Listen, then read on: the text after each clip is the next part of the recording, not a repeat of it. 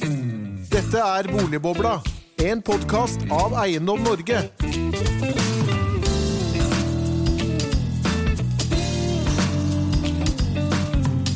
Hjertelig velkommen til en ny episode av Boligbobla, denne gang om boliglånsforskrift spesial. Temaet kunne ikke være mer aktuelt, for 10. september sendte Finansdepartementet Finanstilsynets forslag til en ny boligforlånsforskrift ut på høring.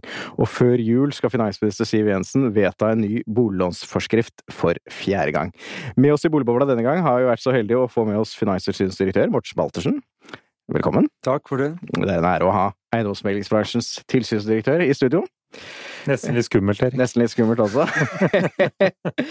Eh, Men først til deg, Christian. Eh, Boliglånsforskriften. Vi har jo lært oss å elske, elske den. Hvorfor? Ja, jeg, i all eh, ydmykhet må jeg bare si at det da jeg I 2010, da de første retningslinjene kom fra Finanstilsynet, det var 2010, eh, 1. januar tror jeg det var, den ble innført. Det var i hvert fall i Mars 2010, tror jeg. Mars 2010, ja. Eh, Så satt jeg da som styreleder i Norges Eiendomsmiljøforbund, og vi var da svært kritisk til at eh, myndighetene skulle gå inn og eh, sette begrensninger på bankenes skjønnsutøvelse, eller bankkontverket, bankhåndverket, som bankene selv liker å kalle det, i forhold til hvordan Hvis det de finnes, da. bankkontverket. Ja. hvordan, de, hvordan de skal utføre sin jobb og gjøre forsvarlige utlån til norske forbrukere. Den gang så var vi sterkt kritiske til det, og spesielt dette egenkapitalkravet var vi eh, ordentlig oppe på barrikadene og var kritiske mot. Og såpass kritiske var vi at vi fikk da daværende opposisjon på Stortinget til å erklære på stortingstrappen, det var vel eh, da Eiendom Norge, da jeg kom over i Eiendom Norge, og eh, sammen med Huseiernes Landsforbund og Petter Batta, så sto vi på trappa foran Stortinget med dagens eh, regjeringspartier og eh, sa at, vi skulle, at de skulle gå imot da egenkapitalkravet i forbindelse med valgkampen 2013. Eh, vi har blitt klokere, og vi tok den gang feil, fordi eh, vi er av en annen oppfatning i dag. Vi mener i hvert fall at vi tok feil, og mener jo at denne boliglånsforskriften er et veldig nyttig virkemiddel og et verktøy for myndighetene til å sette rammer i forhold til utlån.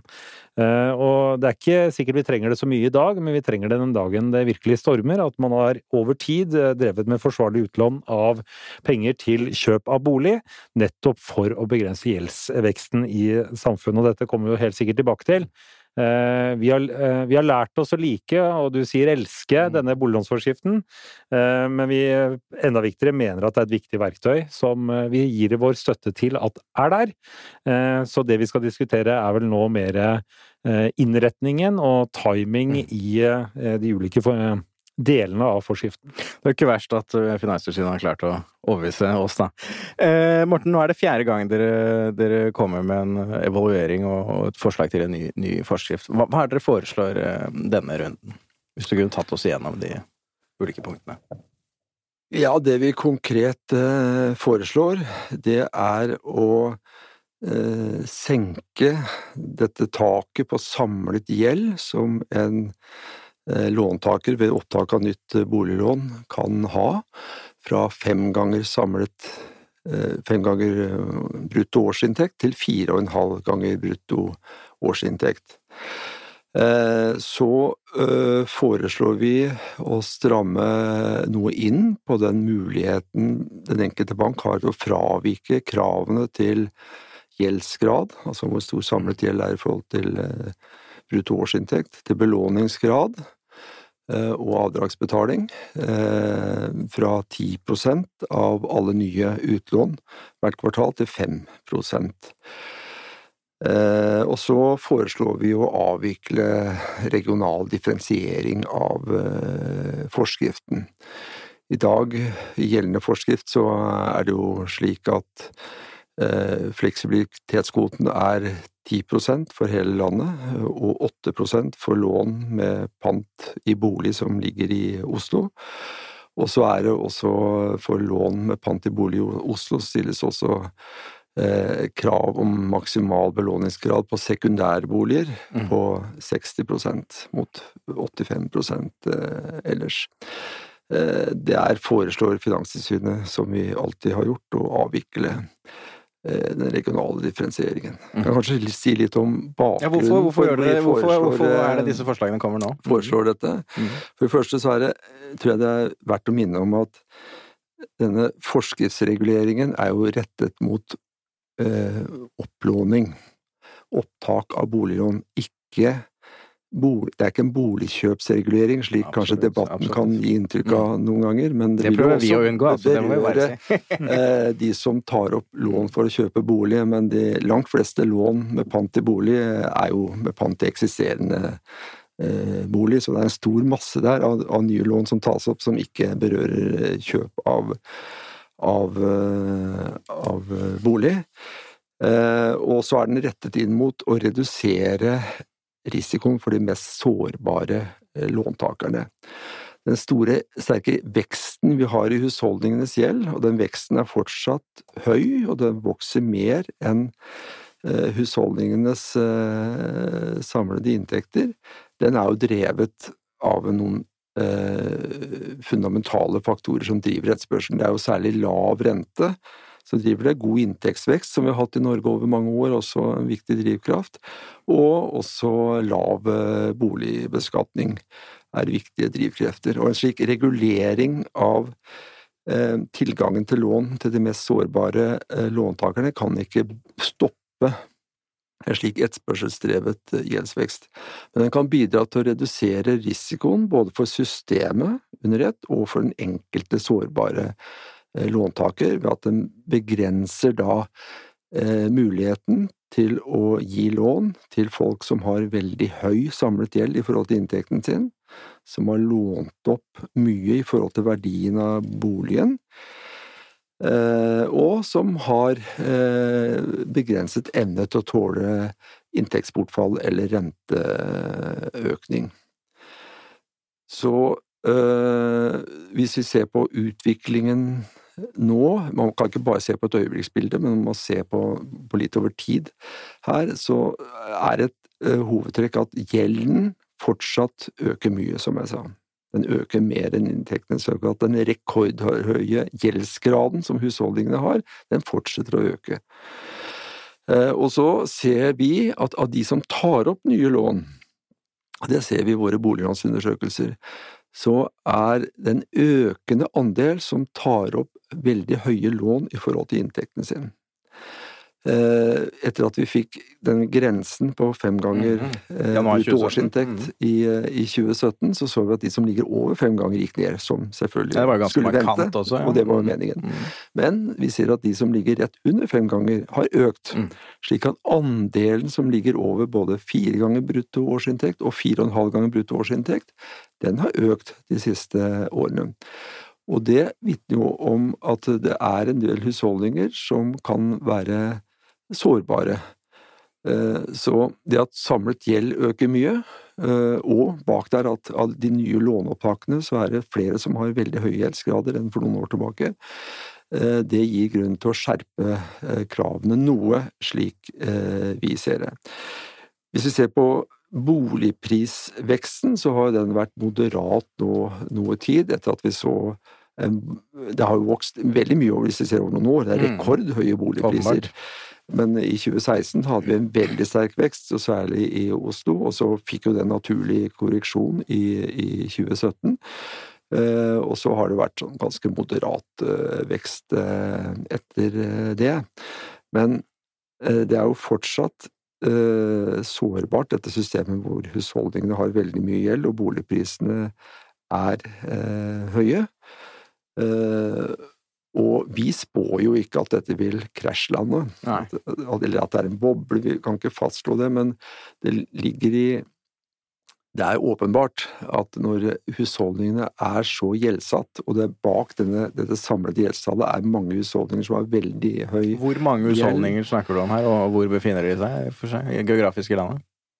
Av de som tar opp, eh, tar opp eh, nye lån, så er det omtrent fjerdedel som da har eh, mer enn fire ganger inntekten. eh, Som har samlet gjeld med, som er høyere enn fire ganger brutto eh, årsinntekt.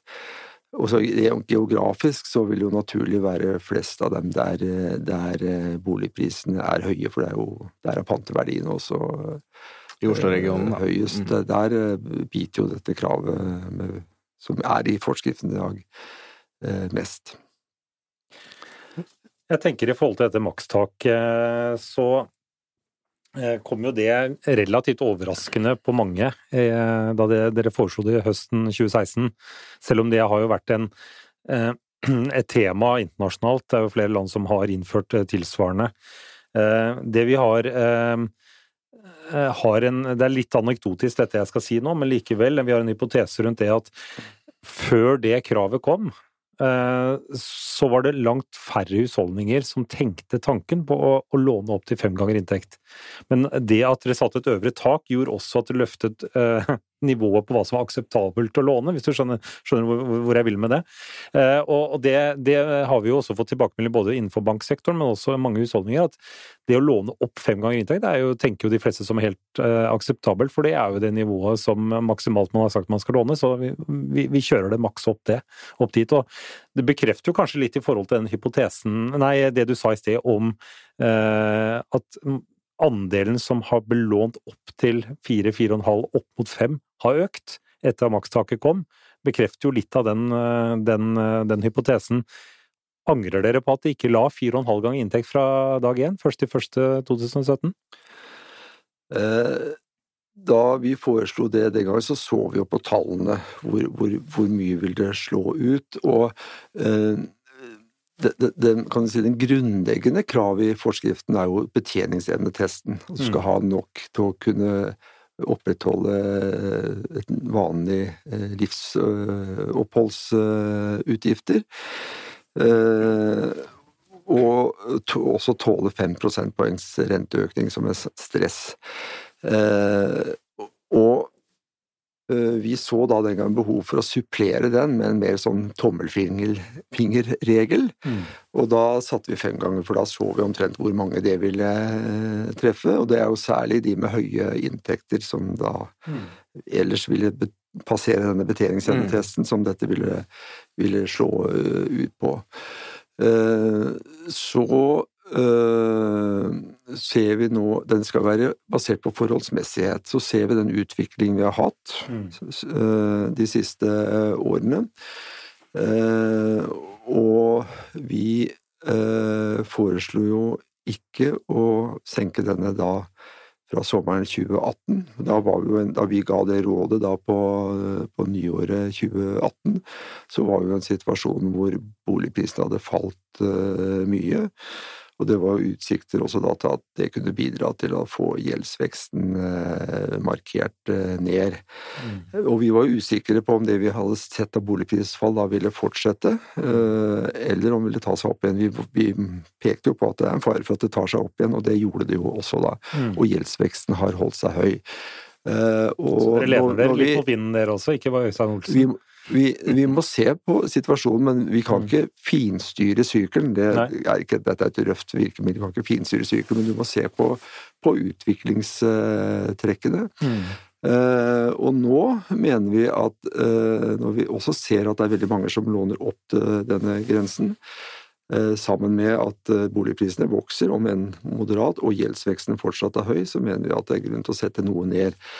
Eh, og om den, en sånn grense er normdannende, ja, får jo håpe at den ikke er det, for du skal uansett passere betjeningsevnetesten mm. og tåle 5 prosentpoengs renteøkning, så du kan ikke, du kan ikke uten videre bare gi opp til, opp til eh, grensen. Og det kan jo aldri være et argument for ikke å ha noen sånn grense, at den Nei. kan virke normdannende.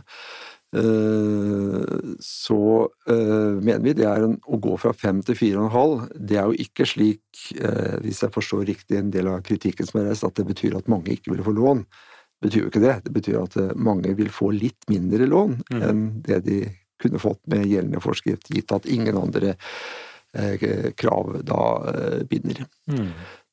Så hva tenker du i forhold til eh, konsekvenser av å nedjustere. Ja, folk får eh, lavere lån, og selv om man ikke skal prate for mye om boligprisutvikling, så er jo eh, effekten av forslagene, selv om det er rettet inn mot gjeldsvekst, eh, så, så, er jo effekten ofte eh, i boligmarkedet eh, umiddelbart. Hvilken ja, effekt Eller over tid er umiddelbart, det kan man jo diskutere ja, når det kommer, men ja, ja, det bør det, være en effekt, da. Vi, det er jo over tid så mm. er det en sammenheng mellom boligpriser og husholdningenes eh, låneopptak. Fordi det, gjelden til husholdningene den domineres av boliglån, altså lån med pant i eh, bolig. Og, når, og, og, gjeld og boligpriser har en tendens til å drive hverandre gjensidig mm. oppover. Mm. Mm. Og det som da utgjør den store risikoen, er at det kan snu brått, veldig mm. brått, og da får du store ringvirkninger både for økonomien under ett og for enkelte husholdninger. Så eh, nå er jo ikke dette virke, virkemiddel eh, som kan stoppe en etterspørselsdrevet eh, vekst. Det er jo rettet inn mot de mest sårbare husholdningene for å mm. redusere risikoen for disse, som også bidrar til å redusere systemrisikoen. Men det er jo ikke noen sånn én-til-én-sammenheng mellom boligpriser, eh, eller boliglånsforskrift og boligpriser. Eh, sånn på kort sikt. Noen av våre medlemmer har jo antydet at det er en ja, det, 20 000 men den kritikken er vel i grunnen mm. reist hver gang disse forskriftene er kommet. Altså, dette er veldig farlig. for det. Og dessuten så er det jo slik at hvis det er en balanse i boligmarkedet som eh, er avhengig av at veldig mange låner opp eh, mye, med høy gjeldsgrad, da er det en veldig skjør balanse. Det er jo det et argument for at vi burde gjort mer tidligere, i så fall. Det er jo ikke, det er ikke, det er ikke noen grunnleggende sunn balanse hvis du er avhengig av at sta, veldig mange tar opp veldig høye lån hele tiden for å få dette til å balansere. Der, derav spørsmålet mitt om du egentlig angrer på at ikke du tok 4,5 med en gang. ja, nå, nå, er det slik at uh, vi, de rådene vi har gitt, og mm. de har jo konsekvent vært noe strammere da enn det Finansdepartementet ja. uh, har uh, gjennomført. Mm. Eh, så sett i ettertid så mener vi fortsatt at eh, Finansdepartementet gjerne burde fulgt våre eh, råd. Så det er ikke for, forhandlingsutspill i, i, Nei, det er det ikke. Nei, nei. det er etter beste faglige skjønn at vi mm. gir uh, våre råd. Og så er det jo sånn, og hvis du ser de rådene vi har gitt opp gjennom årene, så må du du må jo også prøve deg litt fram. Mm. Uh, derfor så uh, mener vi selv at vi har jo ikke foreslått noen dramatiske endringer fra gang til gang. Nei. Denne gangen så mener vi at det er behov for en en, eh, noe innstramming. Nå ser jeg at mange mener at dette er en kraftig eh, ja, innstramming. Noe av det, mm. Eh, ja, de får, jeg skal ikke ta opp hele den debatten, men noe av det kan kanskje være basert på misforståelser. F.eks. at det innebærer at noen ikke får lån som ville fått lån med dagens forskrift. Nei, det innebærer at de får noe lavere lån med dagens forskrift, og det er de mest sårbare som får litt lavere lån. Også denne innstrammingen av fleksibilitetskvoten ja. som vi foreslår, mener vi også ikke er noe dramatisk eh, endring. Altså Den utnyttelsen av kvoten som vi i dag faktisk ser, er på rundt 6 av 10 og 8 av for lån med, med pant i bolig i Oslo. Eh, å sette den til 5% er ikke noen dramatisk innstramming, men det gjør det litt eh, vanskeligere for banker å gi lån til de presumptivt mest sårbare husholdningene. Fordi de som ikke oppfyller disse kriteriene til betjeningsevne og gjeldsgrad og belåningsgrad. Det er jo sårbarhetskriterier som er lagt der, så å gi lån til de som husholdninger som ikke tilfredsstiller, eller låntakere som ikke tilfredsstiller ett eller flere av disse, det er jo presumptivt da til de mest sårbare husholdningene. Men med 5% så er det fortsatt godt rom. Og husk på da at det er stor oppmerksomhet her mot førstegangsetablerere mm. som, som banken skal ha rom til å gi skjønn, eh, eller rom for å utøve skjønn. Og det bruker de jo også i stort monn. Husk på at mm. den basen, den, eh, de regner i prosent av alle nye lån med pant i bolig, og mange av de, mange av de lånene eh, er jo med lån tatt opp med pant i eksisterende bolig, og hvor det ikke er noe problemstilling i det hele tatt. og å vurdere fleksibilitet. Så den eh, brukt på, på, de gruppene som en bank særlig ønsker å tilgodese ut fra en helhetsvurdering, så er den ganske romslig fortsatt med 5% Men det er vel kanskje der debatten Vi foreslår ut fra en helhetsvurdering å ha noe noe eh, rom for fleksibilitet. Men eh, altså, i sommeren 2016 så var jo forslaget deres null fleksibilitet i kvoten. Hvorfor har dere på en måte beveget dere? Det var også da vi foreslo den opprinnelige ja. kvoten, Ja. så, så var det null ut fra, den, fra en vurdering av det, de utviklingstrekk vi så da. Så mente vi det, det var forholdsmessig å stille et eh, slikt krav. Da vi ga råd vinteren 2018, eh, så foreslo vi en fleksibilitetskvote på 8 i lys av den utviklingen vi da hadde bak oss, og hvor vi da så at uh, gjeldsveksten kunne gå eh, en del ned, fordi panteverdiene var på vei nedover da. Men eh, jeg tenker i forhold til det du sa om at eh, endringene i forskriften res, eh, resulterer i at folk får mindre lån, eh, ikke at de ikke får lån. Det er riktig i forhold til makstaket, men i forhold til flek- fleksibilitetskvoten så reduserer du potten, som du sier, til de mest sårbare eh, som ønsker å ta opp lån eh, med pant i bolig.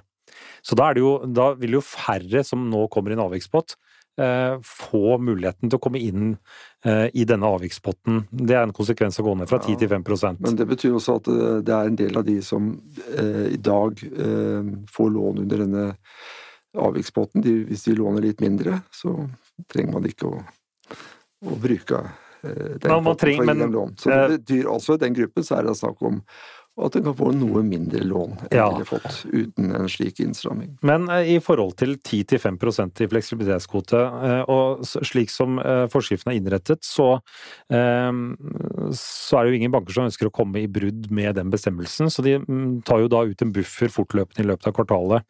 Det vil si at ifølge bankene, og det er ikke vi som sitter på dette her direkte, men ifølge bankene så betyr det at den bruken på 6,8 prosent tror jeg det er, av, eh, av potten på 10% Litt opp og det med rundt 6 prosent. Ja, ja. vært. Eh, mye av årsaken til det er også at de ønsker å ha en buffer, eh, slik at ikke de kommer i brudd med forskriftens bestemmelser. Eh, og de fleste sier jo at det neppe vil bli mer enn 2-3 eh, bruk av den fleks fleksibilitetskvoten eh, med denne forskriften hvis den blir stående slik dere foreslår. Og det er jo en kraftig innstramming i så fall i forhold til mulighetene. Og den potten må de jo da langt på vei holde tilbake til eh, samlivsbrudd, til folk som skifter jobb, blir syke, sånne typer muligheter til å kunne hjelpe, hjelpe dette. Så dette er jo, enten du vil eller ikke, rett inn i en, kall det ulikhetsdebatt, da. Eh, Men, men det Jeg opplever deg i ordskiftet som at det, nei, det er det, det Denne forskriften har ikke en effekt i, dette, i denne, denne ulikhetsdebatten. Ja, nå er det to ulike spørsmål du tar opp. Det ene er fleksibilitetskvoten, hvordan vil den virke? Og det vil nok være sånn en bank som gir mange lån og skal styre dette gjennom kvartalet for å holde seg innen forskrift. Så ser vi det at mange banker ligger helt opp til, Mm. til og noen, går noen ganger over også. Hva, hva skjer da? Det er har jeg egentlig lurt litt på. Ja, da får de pålegg om å komme seg under med en gang. Det er det som skjer da. Ja.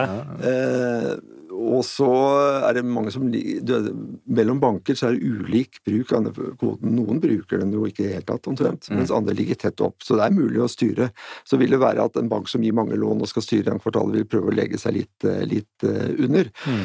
Eh, og eh, banker som jo har interesse av at den er størst mulig under kvoten, kanskje. De eh, kan nok ha oppfatning av hvor den vil ligge, men vi ser jo da at det er mulig å ligge helt opp til Mm. slik tak, og, og ikke bruke den i det hele tatt. Det er det vi ser på når vi ser på enkeltbankers eh, tilpasning. Så hvor den vil ende, hvis det er veldig eh, stort Banken opplever selv at det er veldig stort behov for å bruke denne fleksibilitetskvoten, så får vi tro da at eh, de vil legge seg tett opp til, til kvoten på 5 Og så er det andre spørsmålet du tar opp, som jo er en annen problemstilling, det er ulikhetsdebatten. Mm. Eh, og det har jo preget altså at, at eh, eh, boliglånsforskriften, så lenge den har eksistert, og mens vi hadde retningslinjer også, så har det jo vært eh, oppmerksomhet rettet mot om dette kan eh, skape eh, eller øke sosiale forskjeller, fordi det er noen som ikke får eh, tatt opp lån for å kjøpe bolig selv. Mm. Eh, og det, den debatten pågår i alle land som har denne type regulering, og Og det er jo forståelig at den debatten eh, reises. Eh, nå tror jeg nok Altså, det, det mest ekstreme versjonen av dette er jo at man må la folk få ta opp lån slik at de får ta del i boligprisveksten. Mm. Det er ikke, sier ikke vi, altså. Det må jeg si. Nei, men man hører det. Ja, man hører det. Uh, og det, altså, det, er jo basert på en sånn forestilling om at boligprisene vil bare Mm. øke evig. Mm.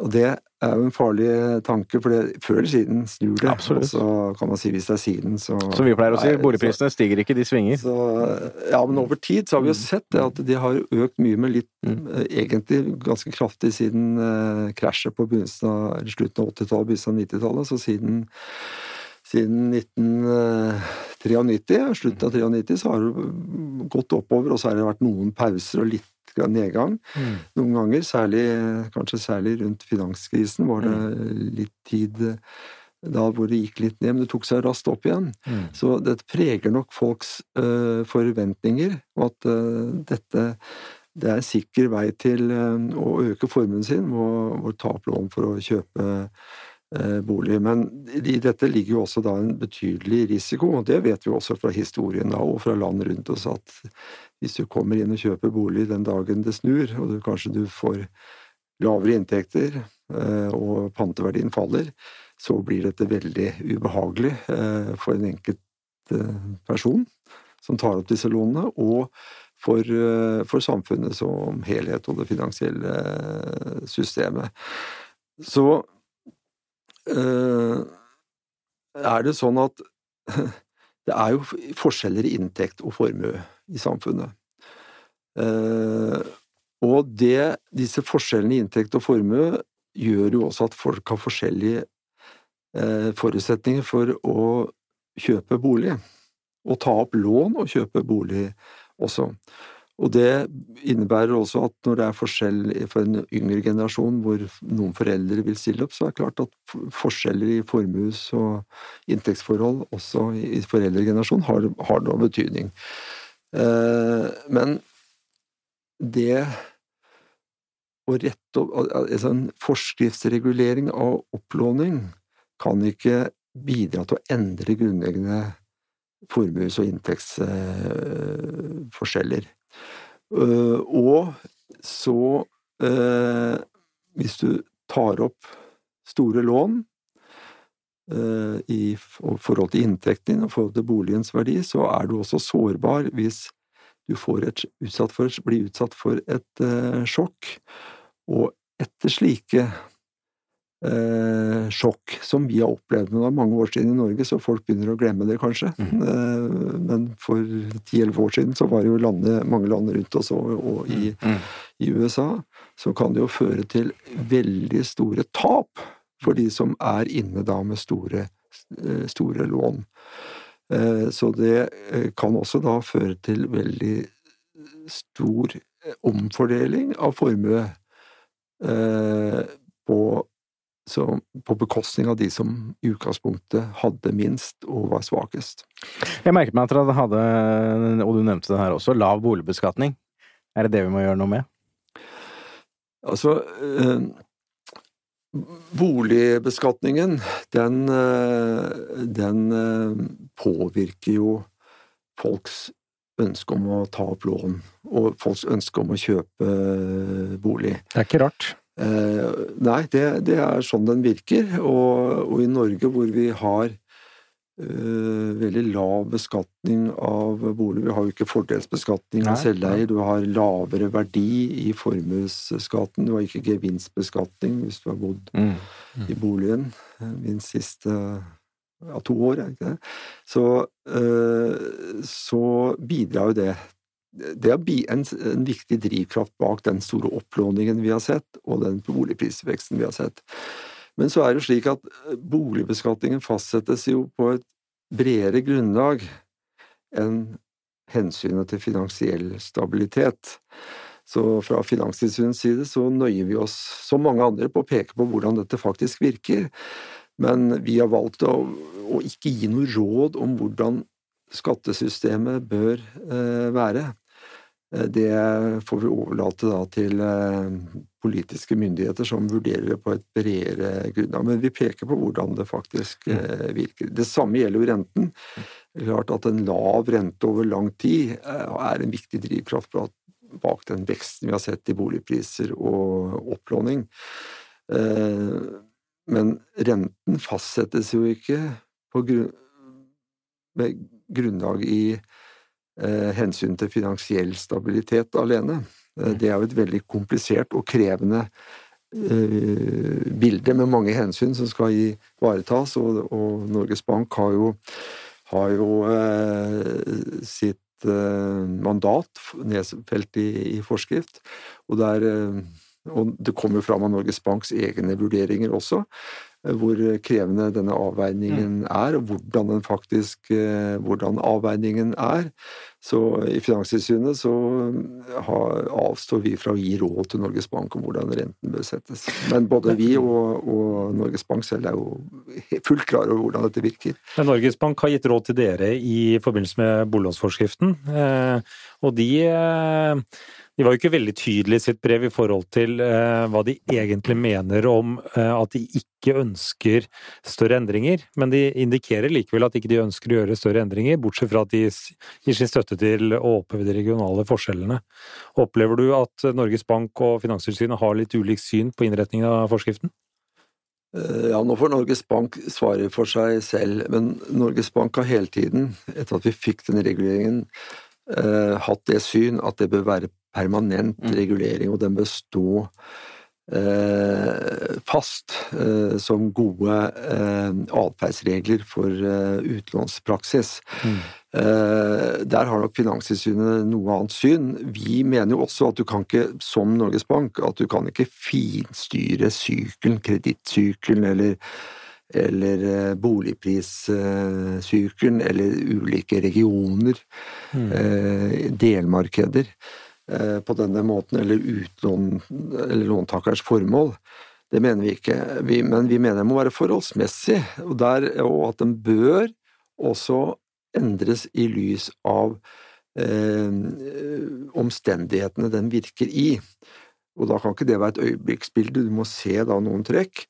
Eh, og jo større risikoen er for finansiell ustabilitet, og også risikoen det er for at enkelte tar opp store lån som kan påføre dem store personlige belastninger, og også påføre bank, enkeltbanker større tap enn de kanskje tror når de gir lånet, jo, jo, strammere kan du ha den.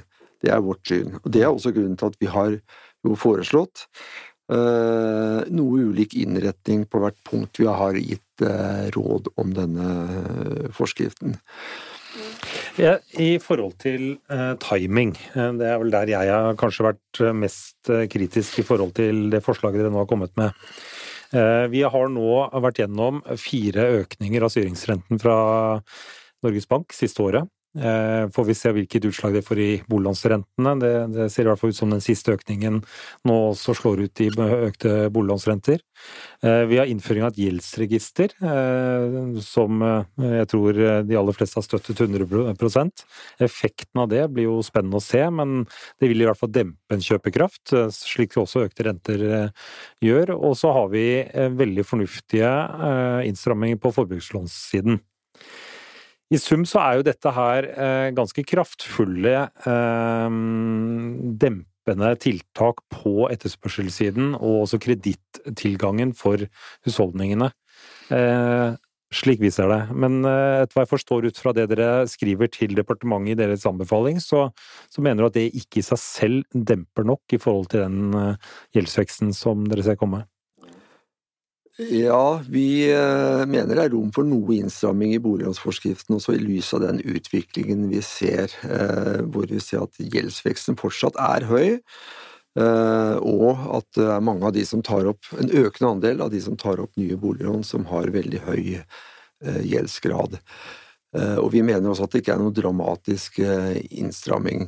Hvis vi ser på de, de tiltakene du nevnte, så øh, gjelder boliglån eller forbrukslån, så er jo det eh, også av betydning for finansiell stabilitet, selv om det bare utgjør 4 av husholdningenes samlede opplåning. Så, eh, så er jo sårbare husholdninger, er vi redd for, som har tatt opp slike lån, og ikke minst forbrukerbeskyttelseshensyn. altså for, mm. og, Samme som i boliglånsforskriften. Det har vært kraftig vekst her òg, da. Så. At det er enkelte som kan ta opp lån som, eh, som kan påføre dem store belastninger mm. eh, senere har vært gitt god grunn til å, å, regulere det. Der har det ikke vært så mye kontroverser rundt heller. Det var ganske bred oppslutning. Ja, det har egentlig vært mest jubel. Om, eh, om, det, men i prinsippet er det jo samme. Det er jo å overprøve bankenes eller å regulere bankenes rom for skjønnsutøvelse der eh, også. Så den samme prinsipielle innvendingen kan i og for seg eh, reises mot det virkemidlet. Men og det vil nok bidra til å redusere risikoen, eh, både for systemet og ikke minst for den enkelte låntaker. Men det er jo en liten del av opplåningen. Den store driveren her er jo fortsatt boliglånene. Når det gjelder eh, gjeldsregisteret, så eh, er jo det velkomment, det. Eh, og det gjør det jo vanskeligere for eh, en som tar opp lån, å holde opplysninger om øvrig gjeld skjult for eh, banken. Og det er jo velkomment og bra, men at det i seg selv skal bidra til den store innstrammingen, da må det i så fall ha vært veldig mange banker som har undersøkt dårlig låntakere før, eller mange som har greid å lure banken ved å holde tilbake opplysninger. Eh, og det eh, har du ingen tall for, eh, men det er vel vanskelig å kunne legge til grunn at det har vært tilfellet.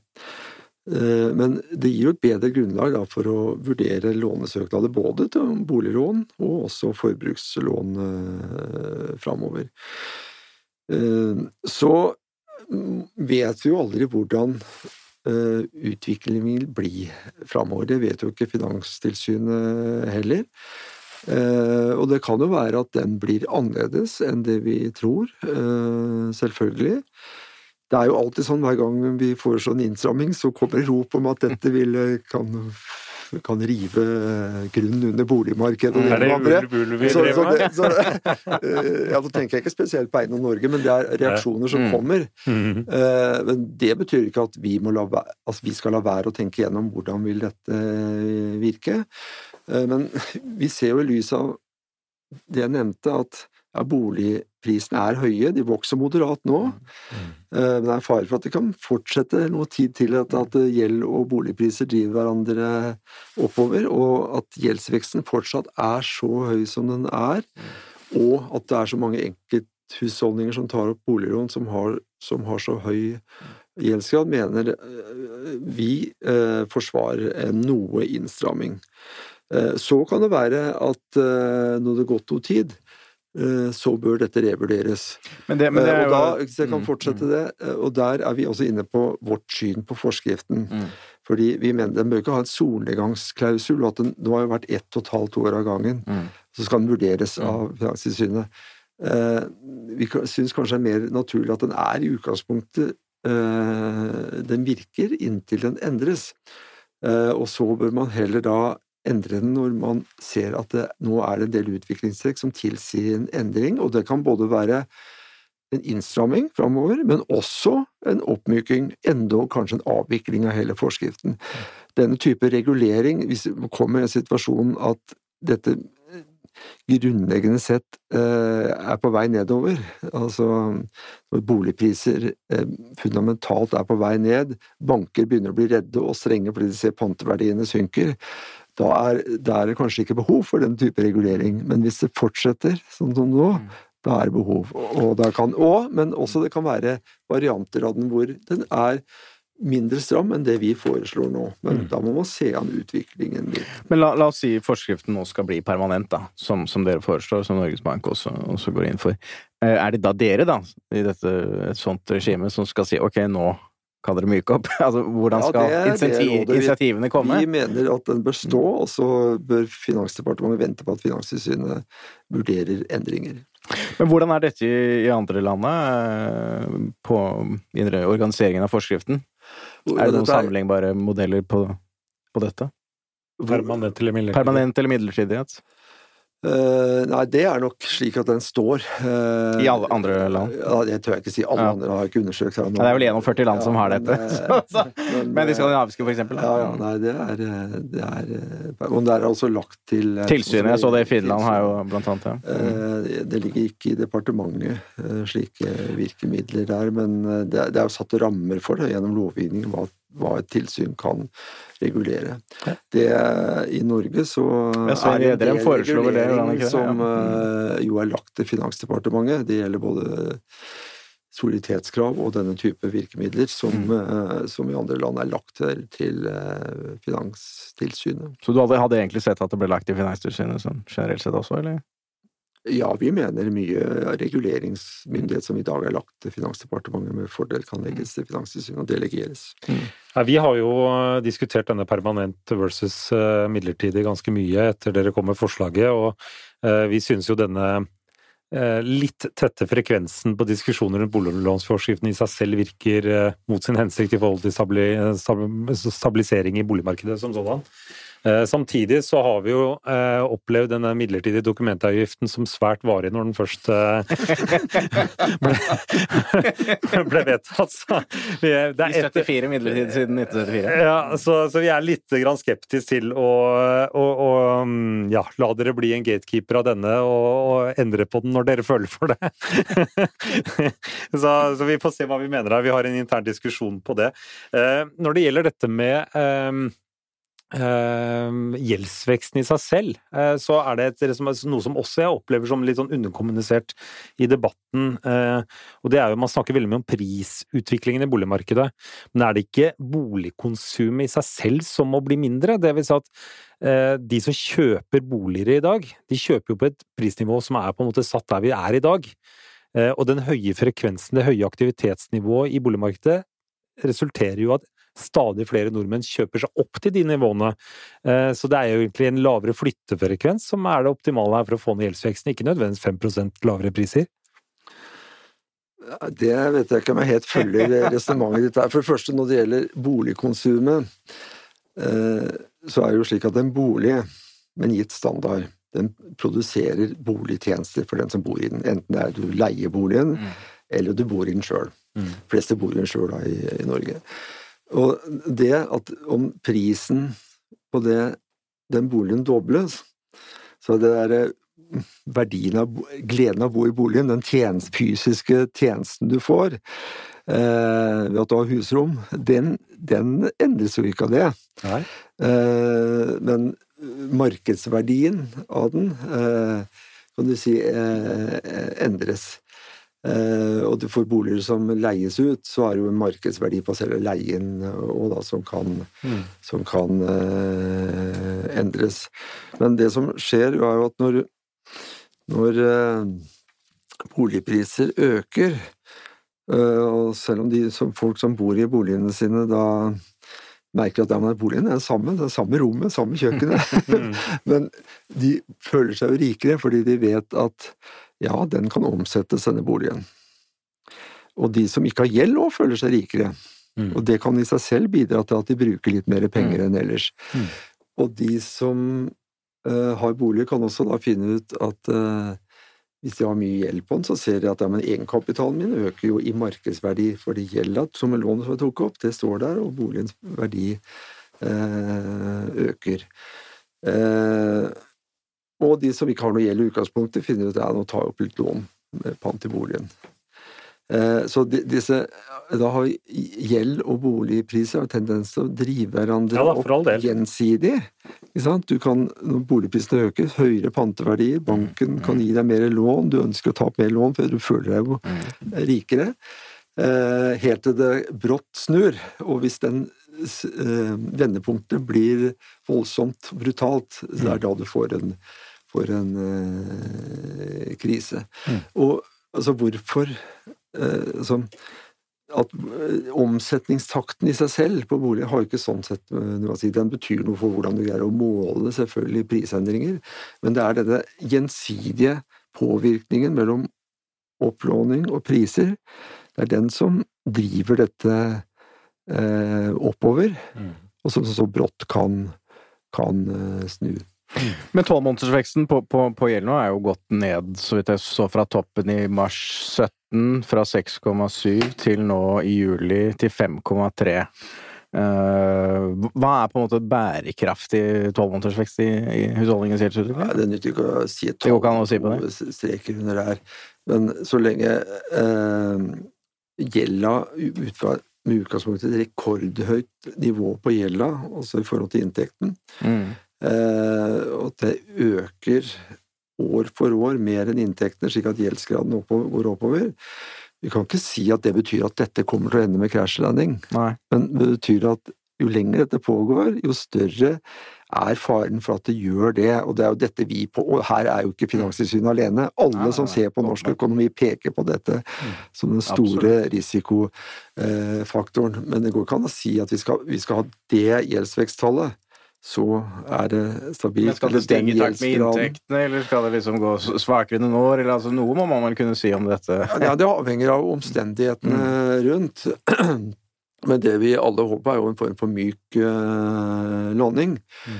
Og det er jo at, uh, at gjeldsveksten gradvis kommer ned. Og, og i og med at gjeldsgraden er så høy også, så er det jo fint om den kommer litt under inntektsveksten også. Men ikke bråstopp, for da har vi krise.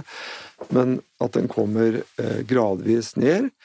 Eh, og så eh, hva som er Det er jo en fundamentalfaktorer som, som driver dette. Eh, og alt annet likt så er det jo slik at jo lavere renten er, jo høyere er det du kan kalle likevektsverdi på gjeld og boligpriser. Mm. Eh, og, og motsatt. Mm. Og det er også boligbeskatningen her Mm. betyr jo noe, selvfølgelig. For hvis du hadde hatt nøytral boligbeskatning, at beskatta boliger som annen formue og inntekt av den formuen, så vil jo likevekst, alt annet likt, likevekstprisene på boliger være, være lavere, og, og gjelda også da eh, lavere. Før du går inn for landing, Erik, for jeg har en mistanke om at du snart gjør det, så har jeg lyst til å stille et siste spørsmål eh, i forhold til disse forskriftsendringene. Eh, Og det er eh, på dette særskilte krav om egenkapital i Oslo på sekundærboligkjøp, som dere foreslår å oppheve, slik at det er likt over hele landet og ikke noe særskilte krav på sekundærboligkjøp. Har dere, har dere vurdert å gjøre det motsatte, nemlig å innføre det særskilte EK-kravet til hele landet istedenfor, slik at det blir et særskilt EK-krav på sekundærboligkjøp. Vi har sånn frist i minne 2016, eh, hvor vi opplevde en betydelig økt etterspørsel av det vi kaller uh, litt sånn hobby, Hobbyinvestorer. hobbyinvestorer, eh, som skulle ut og kjøpe en uh, leilighet nummer to. Det, bringer meg tilbake til starten av, av denne diskusjonen. Det er jo ikke et virkemiddel rettet inn mot boligkjøp, dette. Det er mot opptak av lån hos sårbare husholdninger. Så det er etablert noen sårbarhetskriterier. Hva er det som gjør deg sårbar? Det ene er at du ikke greier å betjene, og ikke tåler eh, renteøkning. Eh, Det andre er at du kan ha høy, veldig høy gjeld i forhold til eh, Altså boliglån i forhold til boligens verdi, for da blir du sårbar hvis panteverdien faller. Eh, Det gjør deg sårbar, og hvis du har mye gjeld i forhold til inntekten din, selv om det er en tommelfingerregel, så er det en sårbarhet. Er du veldig forgjeldet, så, så er du sårbar. Eh, Og denne sårbarheten, den eh, slik den er definert i disse kriteriene, den er jo den samme enten du har boligen og du leier den ut, eller låner den ut til barna dine, eller hva du gjør. Du er sårbar hvis hvis eh, hvis- det- det-. Hvis eh, boligprisene faller. Du er sårbar hvis du har for mye samla gjeld. Mm. Så eh, hvis man begynner å altså, Sekundærbolig bør ha en lavere belåningsgrad. Ja, da må, hvis, hvis vi skulle lagt økt vekt på sårbarheten som knyttet til høy belåningsgrad, så burde du heller senket det alminnelige taket på 85 Mm. belåningsgrad. Det skriver vi i vårt, Mm. i vår, uh, vårt utkast til høringsnotat, eller det som blir et høringsnotat som er sendt på, på høring. høring. Det ville vært svaret på det. Når det gjelder for da har man lett over at man skal liksom, bruke denne forskriften for å regulere boligmarkedet og kjøp man måtte like eller ikke like, eller ha tro om hva som påvirker. Altså, den fundamentale balansen i boligmarkedet, den påvirkes jo heller ikke av innslaget av selveie i markedet. Boliger de bebos jo, eh, enten av de som eier den, eller at du leier den ut til noen. Så den fundamentale balansen påvirkes ikke av eh, dette. Så det må være andre hensyn enn de hensynene som vi mener forskriften skal ivareta, som, eh, som, og som må kunne være mer politisk av hvilke kjøp bolig opplåning man liker eller ikke, eller politisk, av ulike politiske grunner eh, ønsker eller ikke, som, som ligger bak, bak, dette. Og så, hvis vi ser på tallene da, for Oslo, som vi jo har sett på, altså eh, lån tatt opp med pant i eh, sekundærbolig, som gjelder kjøp av bolig, det er en ørliten del, det betyr ingenting i en stor sammenheng. Det som i Oslo drar mest, Eh, det er eh, gjeldsgradstaket. Det er det som eh, betyr noe for opplåningen. Men, men, også igjen, det er ikke en sånn nær sammenheng på kort sikt her mellom boligprisutvikling i ulike lommer av markedet og denne forskriften. Det er, tror jeg er overdrevent optimistisk syn på hva du kan greie å regulere deg til. Ja, det er bra. Det var, var en god. Jeg har en siste ja. sak som jeg, når det gjaldt ulikhetsdebatten, som jeg vil si det er at Eh, vi snakket jo litt om er du sikret velstand ved å ta opp store lån og gire deg for å ta opp lån i bolig? Men det store er jo også det som gjør det vanskelig for mange, det er jo at de, boligprisene er høye. Det er det grunnleggende. Mm. Så, øh, øh, si, høye terskelen for mange å ta opp lån for å, for å etablere seg med, i boligmarkedet med å eie boligen øh, selv. Og da eh, mener vi at det er kanskje å gjøre noen en bjørnetjeneste ved å la de ta opp veldig store lån for å greie å kjøpe til disse høye prisene. Og så håper jeg da at eh, Jeg vet ikke hva jeg håper på her, om jeg håper du får rett i det eller ikke, men eh, det er klart at og sånn som vi har rigget skattesystemet, så er det så åpenbart fornuftig, så fremt boligprisen ikke går kraftig ned, å gå inn i markedet hvis du har råd enn å ikke gjøre det. Og det er, jo, det er jo dette som er det krevende i diskusjonen. Selv om du snakker om bare gjeld, så har det effekt for husholdningsøkonomi pga. at de vil inn i markedet eller eh, ikke. ikke sant? Så det, denne, dette, du treffer på en måte en nerve i, det, i husholdningenes liv, da, i forhold til kan jeg få kjøpt eller ikke. Det er derfor det er så engasjement rundt dette, og det er derfor man ser på hva blir konsekvensene, og da er det da du rammer boligmarkedet. Så, så det er ikke så viktigere enn det eh, eh, enn at du kun har en reduksjon av gjeldsnivå. Det er, det som, det er derfor dette blir så hett hvert, eh, hver eneste gang. Mm, jeg tror vi, vi Hadde vi hatt en krise av den typen vi hadde for 30 år siden, nærmere i tid, så tror jeg ikke det hadde vært så hett. Jeg husker det godt, jeg ja, da, men jeg må si det, jeg hadde venner som opplevde tvangssalg da jeg vokste opp. Men Christian, vi, vi har jo noen spalter også. Ja, vi pleier å spørre våre uh, gjester uh, ditt første boligkjøp. Ja, om, eh, hvor kjøpte du, hvor mye betalte du? Jeg har ikke så lyst til å gå inn på privatøkonomien. Nei. Nesten, det er også et svar. Nesten, da. nesten jeg hadde litt mistanke om det. holde for meg selv, men jeg har en enkel, oversiktlig privatøkonomi. Det kan jeg Men du leier ikke, da? Si. Ja, den som gidder å slå opp, eh, kan se at den, Da hopper vi videre. Jeg eier den samme kona. Ja. Det ser jeg hvor. Ja. Men vi har en annen fast spalte. Ja, vi har jo ukens episodens boble, og, og, og denne, denne, gangen så må jo boblen gå til Finansdepartementet, som nå skal fastslå denne boliglånsforskriften fra 1.1. Og ikke minst så har jo Siv Jensen eh, invitert til innspillsmøte, så det ser vi jo veldig frem til. Så ukens episoden boble, det går til Siv Jensen. Ja. Da var det det. Og da ønsker vi å takke Morten Baltersen for å stille opp her i dag. Tusen takk. Ja, takk for at jeg fikk komme. Jeg syns det er fint å kunne informere om det vi driver med. Veldig bra. Vi høres ved neste korsvei.